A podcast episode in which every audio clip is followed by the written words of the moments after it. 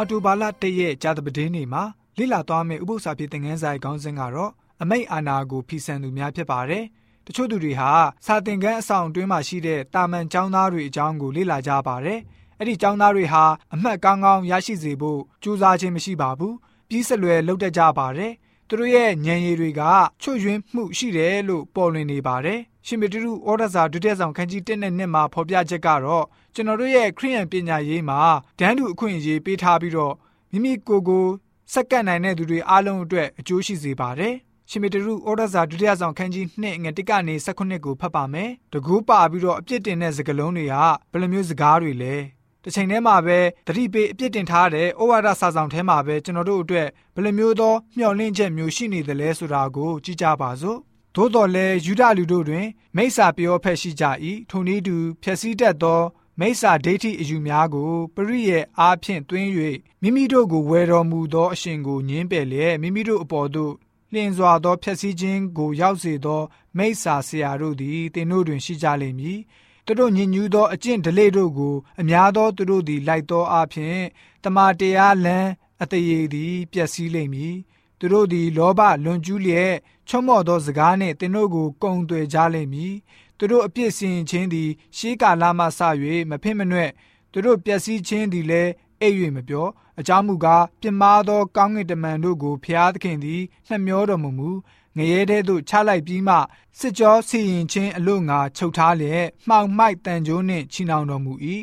ရှေးလောကဒက်ကိုလည်းနှမျောတော်မူမူဖြောင်းမဲ့ခြင်းတရားကိုဟောသောနောအေးနှင့်လူခုနှစ်ယောက်တို့ကိုဆောင်မတော်မူ၍ဖျားကိုမကိုးကွယ်သော လောကီသားအပေါင်းတို့ကိုရေလွှမ်းမိုးစေတော်မူ၏တောတုံမြို့နှင့်ဂေါမောရမြို့တို့ကိုမိရှို့၍ဖျက်ဆီးရာဒဏ်စီရင်တော်မူသဖြင့်နောက်၌မတရားသောအကျင့်ကိုကြင့်အံသောသူတို့အားပုံသက်တွေကိုထားတော်မူ၏ ထိုအခါမတရားသောသူတို့၏ညဉ့်ညူးသောအကျင့်အားဖြင့်နှောက်ယှက်ခြင်းကိုခံရသောသူဖြောင့်မတ်သောလောတာကိုကယ်နှုတ်တော်မူ၏ထိုဖြောင့်မတ်သောသူသည်မတရားသောသူတို့တွင် နေစဉ်အခါသူတို့၏မတရားသောအမှုများကို နေ့တိုင်းမပြတ်မျက်စိမြင်လျက်နားကြားလျက်ရှိသဖြင့်မိမိဖြောင့်မတ်သောစိတ်နှလုံးကိုပြင်းစွာ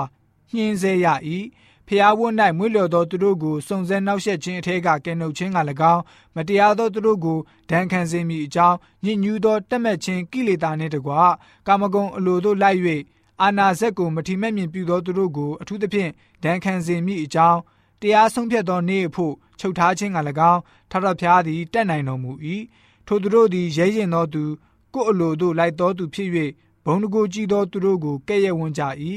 ကောင်းကင်တမန်တို့မူကားသူတို့ထက်ခွန်အားတကူကြီးတော်လဲထာဝရဘုရားရှိတော်၌သူတို့အားကဲ့ရဲ့စွာသောပြစ်တင်ခြင်းကိုမပြုကြသူတို့မူကားဖမ်း၍ပျက်စီးဖို့ရာဖန်ဆင်းသောတရိษံတက်တက်ကဲ့သို့မိမိတို့နားမလည်သောအရာကိုကဲ့ရဲ့လျက်မိမိတို့ပုတ်ပြက်သောအားဖြင့်အကုန်အစင်ပျက်စီးခြင်းသို့ရောက်၍မတရားသောအမှု၏အပြစ်ကိုခံရကြလိမ့်မည်နေ့အချိန်၌ပင်လွန်ကျူးစွာကာမဂုဏ်ခံစားခြင်းအမှုသည်ပျော်မွေ့ရာဖြစ်သည်ဟုသူတို့သဘောရှိ၏ တင်တို့နှင့်အတူစားတောက်ပွဲလုပ်သောအခါမိမိတို့မှားယွင်းသောသဘောနှင့်လွန်ကျူးစွာကာမဂုဏ်ခံစား၍တင်တို့၌အညစ်အကြေးအစွန်းအကွက်ဖြစ်ကြ၏သူတို့သည်သူ့မယားကိုပြစ်မှားသောကိလေသာနှင့်ပြည့်စုံသောမျက်စိရှိ၍ဒုစရိုက်ကိုမပြုဘဲမနေနိုင်ကြ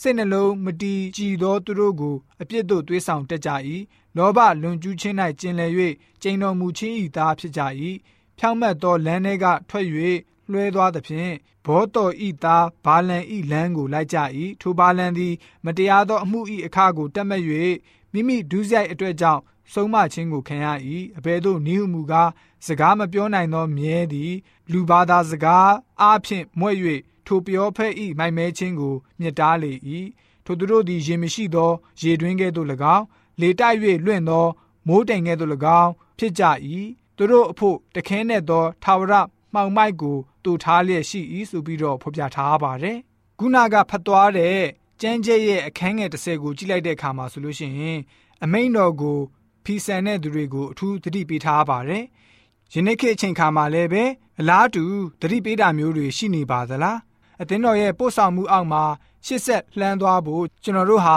ခေါ်တော်မူခြင်းခံရပါတယ်။ ကိုရောက်ရှိတဲ့နေရာမှာပဲတစ္ဆာရှိစွာဖျားရဲ့အမိန့်တော်ကိုလှုပ်ဆောင်မှုဖြစ်ပါတယ်။ရှင်ပေတရုဟာနာကျင်စွာပြောဆိုနေတဲ့ကြားကနေအခန်းငယ်9မှာညွှန်ကြားချက်တချို့ကိုလည်းပဲပေးထားပါသေးတယ်။မတမာမှုကိုအားပေးအားမြောက်လက်ခံတဲ့သူတွေကိုဖျားရှင်ဟာတကိုးတော်နဲ့မောင်းထုတ်ပြစ်နိုင်တယ်။ဖဖျားဝတ်မှာမွေ့လျော်တဲ့သူတွေကိုစုံစမ်းခြင်းကနေကယ်နှုတ်ဖို့ဖျားရှင်တည်တော်မူတယ်ဆိုပြီးတော့လည်းပဲတွေ့ရပါတယ်ခရိယန်ပညာရေးစနစ်ဟာစုံစမ်းနှောက်ယှက်မှုကိုဘယ်လိုမျိုး ရှောင်ရှားဖို့အတွက်သာတင် जा ပေးတဲ့ပညာရေးစနစ်မျိုးမဟုတ်ပါဘူးဖျားရှင်ဟာနီလန်ပေါင်းမြောက်များစွာကျွန်တော်တို့ကိုစုံစမ်းခြင်းကနေကယ်နှုတ်နိုင်တဲ့အကြောင်းပြီးတော့ဖြည့်ဆည်းခြင်းကိုရောက်စေတဲ့မိစ္ဆာဆရာတွေကကျွန်တော်တို့ကိုမလဲဖျားစေနိုင်ဖို့ကာကွယ်ပေးတဲ့ပညာရေးစနစ်ကိုရရှိစေဖို့ကိုလည်းပဲတင် जा ပေးနေပါတယ်သို့တော်လည်းပဲအာဒန်နဲ့အေဝါဟာဖျားရှင်မိမ့်မာတဲ့စကားကိုဖီဆန်တယ်လို့ဆွဆွဲလို့မရတော့လည်းပဲ အဆုံးမှာတော့သူတို့တွေဟာနားမထောင်မှုကိုရွေးချယ်ပြီးတော့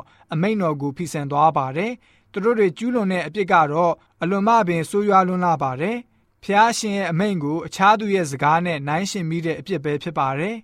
ကျွန်တော်တို့ယုံကြည်သူများအနေနဲ့ဖျားရှင်ရဲ့မိန့်တော်မူချက်တွေကိုကျင့်သုံးပြီးတော့လိုက်နာဖို့ဖြစ်ပါတယ်